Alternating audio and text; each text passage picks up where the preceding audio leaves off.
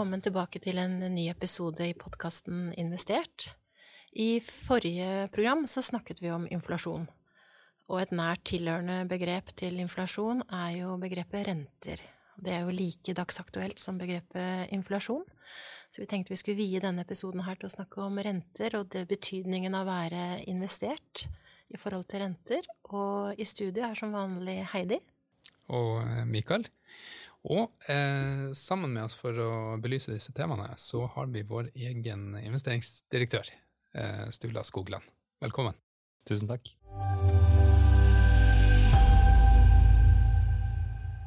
Skal vi starte med å eh, bare definere hva, hva er rente?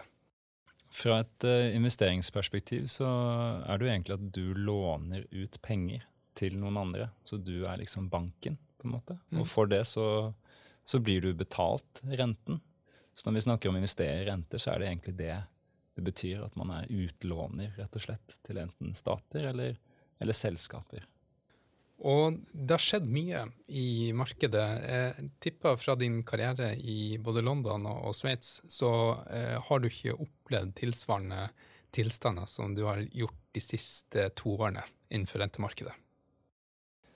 Nei, jeg begynte jo å jobbe i 2007, så jeg har jo egentlig bare sett fallende renter. Mhm. Eh, fra et historisk eh, perspektiv så, så, har man selvfølgelig sett uh, tidsseriene og hvordan dette her har fungert uh, når man går flere hundre år tilbake. Men uh, det er klart, det kan ikke overdrives hvor dramatisk utviklingen i 2022 var. Eh, for alle som var investert i renter, men også fra et historisk perspektiv. Mm. Og hva, hva, var det som skjedde? Altså, som eh, min eh, kollega Christian beskrev veldig godt i forrige episode, så er det sentralbankene som prøver å bekjempe inflasjon, altså at prisene stiger, ved å sette opp renten for å dempe etterspørselen sånn at ikke man kommer inn i en spiral hvor prisene bare løper løpsk.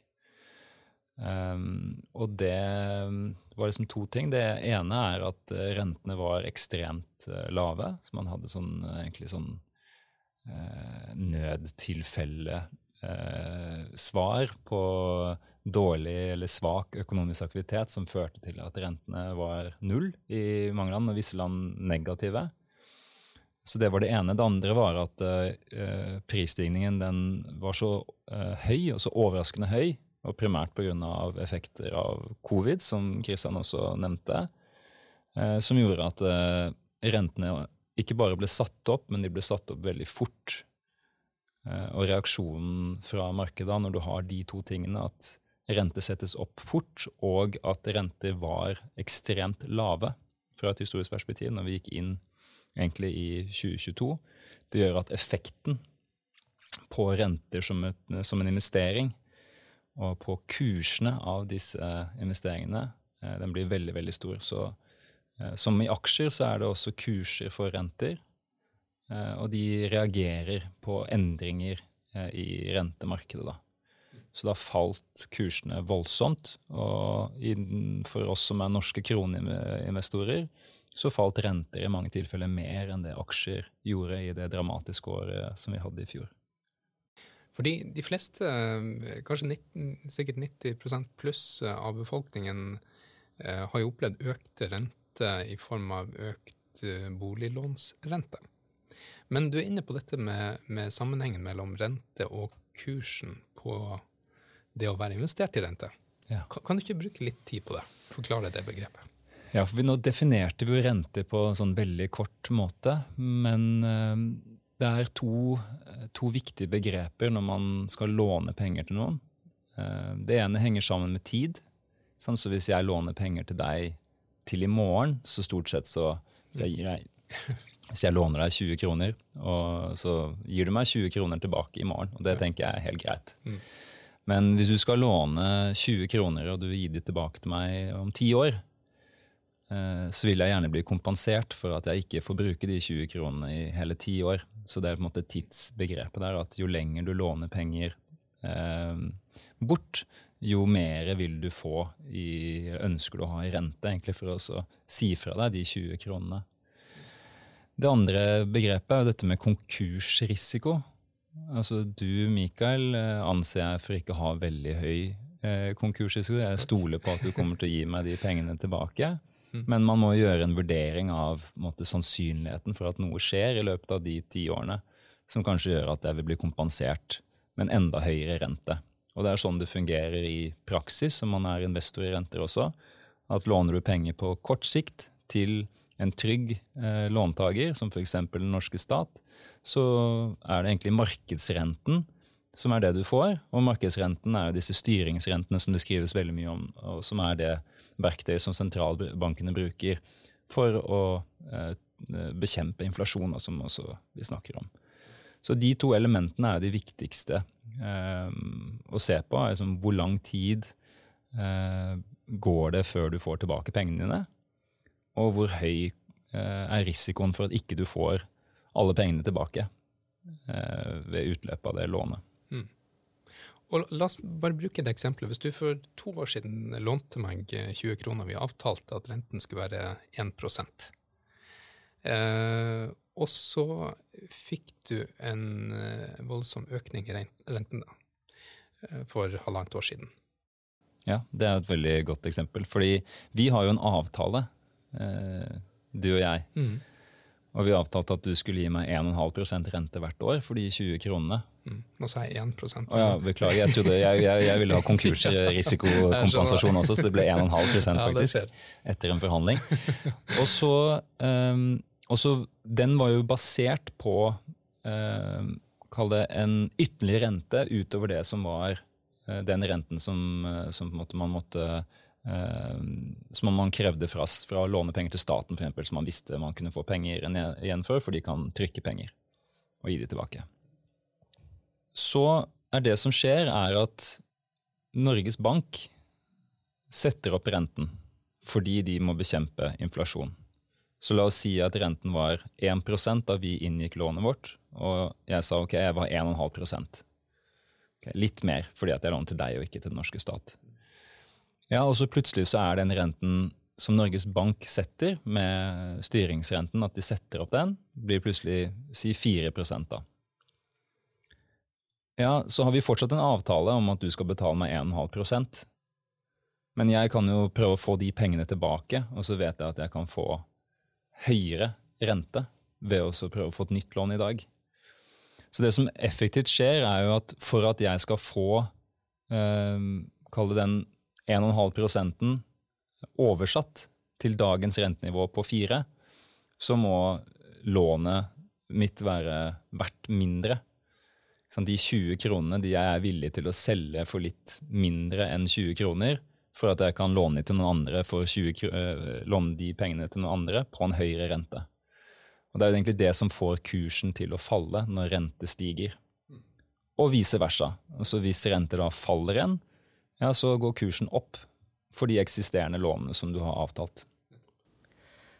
Sturre, du hadde et lån på 20, og så realiserer du i slipp på det på 18 kroner. Og forklar videre hva som skjer da. Så da er det noen andre som tar over det lånet. Så Mikael skylder jo fortsatt uh, eh, 20.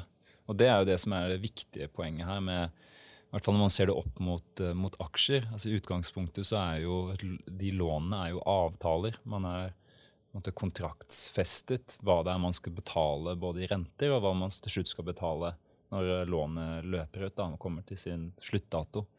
Så til slutt så får jo den som tar over lånet fra meg på 18, får jo tilbake 20. Og det er derfor, Så de blir kompensert gjennom at til slutt får de 20. Derfor er de villige til å gi 18 for det lånet som jeg vil bli kvitt, for jeg har lyst på å få høyere, høyere løpende rente. Mens, eh, mens, den investoren er villig til å få liksom, forskjellen på 18 og 20 til slutt, pluss en lavere rente i den løpetiden. Og det er jo, det er jo viktig å få med seg når man er investor, eh, i mange av disse lånene. For det er jo egentlig det, i hvert fall sånn som vi uttrykker dette i porteføljene til klientene våre, så er det jo via fond, rentefond, da, som låner ut penger til masse forskjellige eh, låntakere. Og det er den effekten som vi snakket om mellom, altså på lånet som Mikael, eh, Mikael har tatt fra meg, så får du den på alle disse forskjellige lånene rundt omkring i verden også. Um, så det oppleves jo da i, i, som et stort kursfall når du sitter som eier av disse rentefondene. Men til slutt, med mindre de underliggende låntakerne går konkurs og ikke betaler deg tilbake, da, som nå har vi brukt tallet 20 da, til slutt, eh, så får du jo det som var den avtalte renten. Og når kursen går ned til 18, så er jo egentlig det et midlertidig, en midlertidig bevegelse. For til slutt så kommer den kursen på 18 bli dratt opp til 20 når man nærmer seg sluttdatoen, for da skal jo Michael betale de 20 igjen. Han skylder fortsatt 20, det var avtalen. Eh, og for det så må man betale 1,5% rente. Det at markedsrenten er på en måte fire, det gjør bare at eh, kursen faller. Det endrer ikke noe på låneavtalene. Og eh, Heidi, som skatteadvokat, så um, endring i rente har kanskje noen skattemessige implikasjoner også? Ja, det har det, altså. Så vi har begynt å diskutere dette her en del og syns at vi ser litt morsomme eksempler. Eh, litt, eh, nå, må vi, nå, må vi, bevege oss bort fra ditt fagfelt. Sturla, inn i mitt. Åpne en ny, ny dør i hodet. Vi starter med at eh, innafor skatt så er det jo helt ulike skattesatser på renter og på aksjer, hvis vi begynner der. Og så tenker vi at det er reglene for oss som privatpersoner vi skal forholde oss til nå. Så en renteavkastning beskattes med 22% Aksjeutbytte eller aksjegevinster beskattes med denne rare satsen 37,84 All time high, nesten 38% Så det har blitt en kjempestor spenn mellom disse to skattesatsene. Og når vi da vet på en måte at uh, markedet så stiger uh, Renta i samfunnet stiger, så kan man jo begynne å tenke som, som sparer, da. At uh, ja, men kanskje jeg skal trygt plassere pengene mine på en sparekonto, for nå får jeg jo fin rente der, og null risiko. Det høres fint ut, og det er det jo, så, så gjør gjerne det. Men jeg skal ha et eksempel at, at kan, kan tenke litt annerledes òg. Så, så, vi, så, så Mikael, da, hvis vi bruker ett eksempel nå. Du har én million i sparepenger og så tenker du at jeg putter det på høyrentekonto. Og så ikke tenk akkurat Mens jeg sier bare at du får 100 eh, 000 i avkastning på det. Veldig god rente på den sparekontoen der. Men eh, glem det, for jeg må ha litt epler og epler og jeg skal sammenligne her. 1 million på sparekonto, 100 000 i avkastning, 22% skatt på de 100 000, så du skal betale 22 000 i skatt. Det er dine tall. Og så bruker vi deg, Sturla. Du har også en million. Men du putter Ja, vær så god. Glede. Din million, du har litt, lyst til å ta litt mer risiko, sånn at du putter den millionen inn i et aksjefond. Det er 100% aksjefond. Og så får du utbytte fra det aksjefondet på 100 000 kroner. Så det er samme, samme input på dere begge to, og samme avkastning. Du skal betale hele 37,84% skatt på det utbyttet du mottar. Og så kommer det som skjer på, på rentesida, da. Vi har regler som sier at du, Sturla, du kan få lov til å få fradrag i den skatten på det som heter skjerming. Og da må jeg ta en liten parentes. Altså Skjermingsreglene det fikk vi i 2006, når vi fikk nye regler og utbytte ble skattepliktig. Det starta ganske høyt, sånn at de to første årene så den høyeste skjermingsrenta vi har hatt, er 3,8% Og så fra 2009 til i fjor så har den rusla-tusla bare på sånn pluss-minus 1 Det er nesten ingen som har prata om den. Regelen er der. Du får eh, skjermingsberegning hvert eneste år, men det er ingen som har brydd seg noe om den. Men nå spretter den jo opp, da. Så vi vet jo ikke helt hva den blir for 2023, det vet vi først i januar. Men kasta ut siden blir 3,5 da. Det, det er en reduksjon du får i ditt skattepliktige utbytte. Så det gjelder ikke deg, Mikael, som har plassert eh, pengene dine på, på høyrentekonto. Det gjelder deg, Sturla. Så du fikk et utbytte på 100 000, mens vi sier at skjermingsrenta blir 3,5% for 2023, så får du beregna en skjerming på 3,5% av din investering. Og det var jo 1 million kroner. Det er 35 000 kroner. Så du kan trekke fra det først. Du, kan, du har fått 100 000 kroner, og så trekker du fra 35 nei, 35 000 kroner, sitter igjen med 65 000 kroner, det er det du skal betale skatt av. Det er nesten 38 Da trykka jeg litt på kalkulatoren. da. Det blir at du skal betale skatt på litt under 25 000 kroner. Effektivt. Så dere, du betaler bare 3000 kroner mer i skatt enn Michael i dette eksempelet her. Og det er stilisert for hatt samme avkastning på renter og aksjer her. Det har man jo kanskje ikke i den virkelige verden. Men for å sammenligne, så det jeg vil spille inn med dette eksempelet, er at for 2023, og antageligvis fremover, for vi tror vel ikke at renta skal ned i null igjen, så kan skjermingsrenta spilles inn som en faktor i forhold til hvordan du skal plassere sparepengene dine. Og da kanskje ikke tenke så om hvilken nominelle skattesats har vi, hva blir den reelle skattesatsen hensyntatt skjerming.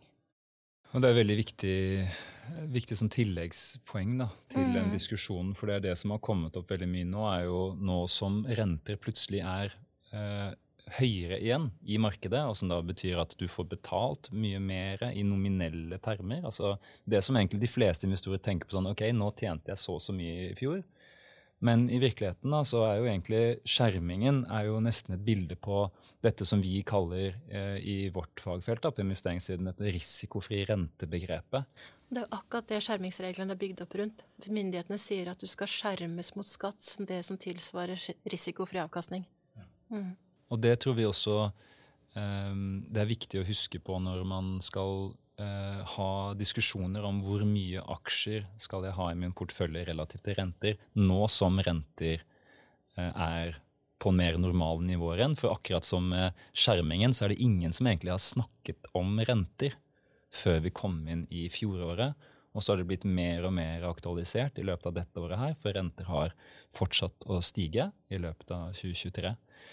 Og vi tenker jo at det er fantastisk fra et sånt nominelt avkastningsperspektiv at renten er normal. Vi tror også det er sunt for økonomien at man har mer normale rentemarkeder. Men at man må ta med seg både denne skjerming, skjermingsrenta når man tenker at vi får så veldig mye skatt som mm. aksjeinvestor. Eh, selv om man selvfølgelig skal ta med i den diskusjonen at for noen klienter, for noen investorer, så tenker jeg at i den perioden som vi har hatt eh, spesielt lave renter relativt til historien, som kommer etter finanskrisen og kvantitative lettelser, jeg skal ikke begynne å definere disse begrepene, men det var flere eh, tiltak som sørget for at vi endte opp med å ha veldig, veldig lave renter.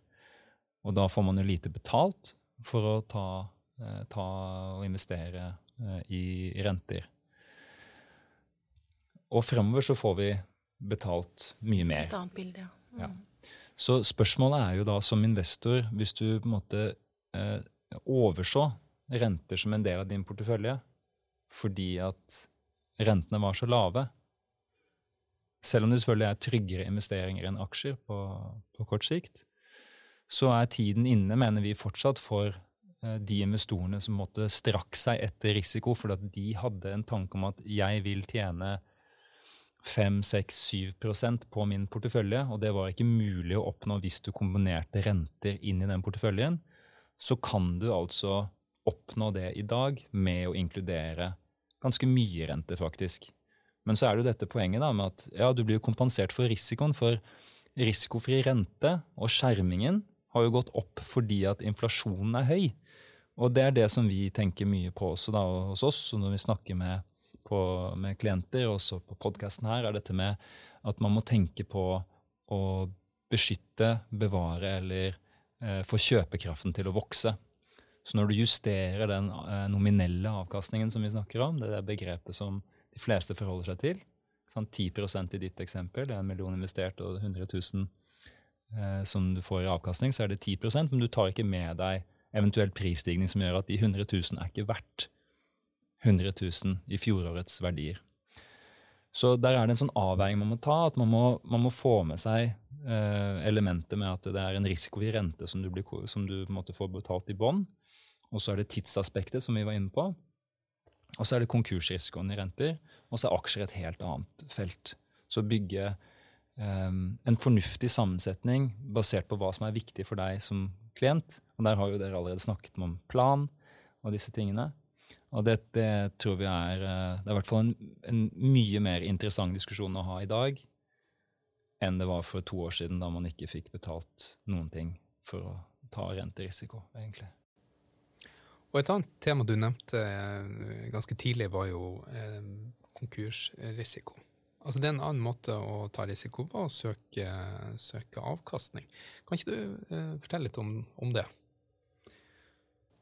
Risikofri rente, når vi snakker om det, så er det jo stort sett eh, det vi tenker på, er liksom vestlige stater.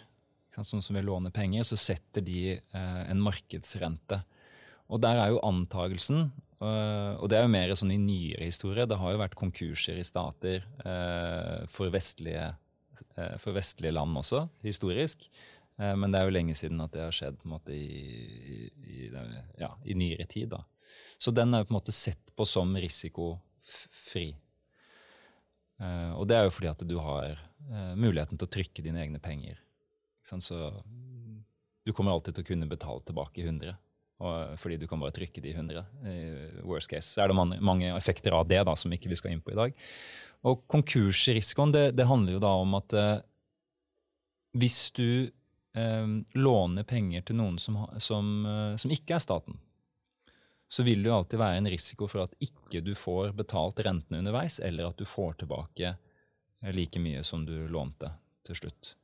Og Der er det et helt spekter av, eh, av ulike typer eh, motparter man kan låne penger til. Så um, Men er det noen hovedkategorier? Ja, det er um, det vi kaller uh, investment grade eller investeringsgrad. Dette er jo et begrep som egentlig har kommet opp fra såkalte uh, ratingbyråer. Altså så, de skal være tredjeparter som vurderer kredittrisikoen og konkursrisikoen til alle eh, store låntakere. Uh, og der er det masse bokstaver som brukes til å starte på trippel A. Annet Norge, da, som er trippel A fortsatt for de fleste i, i, for alle ratingbyråene, som på en måte er toneangivende. Og så går det helt ned til det som vi kaller trippel B minus, som er liksom den laveste, eh, den laveste terskelen innenfor det vi kaller investeringsgrad. Og den gruppen der har historisk veldig, eh, veldig, veldig lav konkursrate. Går du forbi trippel B minus, så kommer du til det som starter med eh, dobbel B pluss, som kalles spekulativ grad. Eh, på engelsk kalles det junk, altså søppel. Eh, det er også et begrep, men, men det kommer egentlig fra sitt utspring når, det, når, når, de første obligasjonene blir utstedt av den type kvalitet. Så det er egentlig ikke søppel. Det, er, det kan være Har de ikke funnet et litt penere begrep? Jo, de kaller high yield, ja. er også et begrep. Eller spekulativ grad da, fra sånn kredittrisiko. Det, det henger sammen med at det er høyere sannsynlighet for at det er mislighold eller konkurs eller refinansiering eller restrukturering som må gjøres da, av de type obligasjonene. Og da går det helt ned til, altså til at du faktisk er i, i, konkurs. Der får du kompensert veldig mye mer. altså Du får en mye høyere rente enn du får for investeringsgrad selskaper. Så da er vi på en måte tilbake til ja, tidsaspektet, som er det som ligger i bunnen for risikofri rente, og markedsrenten. Eh, og så har du dette med ja, hvor stor eh, sannsynlighet er det for at du får tilbake pengene til slutt? Og det er jo det som vi kaller konkursrisiko. Så er det masse, masse terminologi innenfor rentemarkedet som, som, ikke vi trenger å gå inn på. Men, men eh, det som kanskje er viktig å få med, at svingningene i markedets oppfatning av konkursrisikoen for en gitt utsteder påvirker også kursen. Så du har liksom disse to elementene. Endringer i markedsrenten som kan få kursen til å gå opp eller ned for et eksisterende lån. Og så er det også markedets syn på om det blir mer eller mindre sannsynlig at en låntaker som har konkursrisiko, kommer til å kunne betale tilbake alle, alle lånene og rentene underveis. Det vil også påvirke kursen. Så renter som ofte er sett på som noen, en trygg investering, for det er det relativt til, eh, til aksjer, kan likevel ha kurssvingninger pga. endringer i disse to elementene som vi har fokusert på. Mm. Ja, Fint forklart.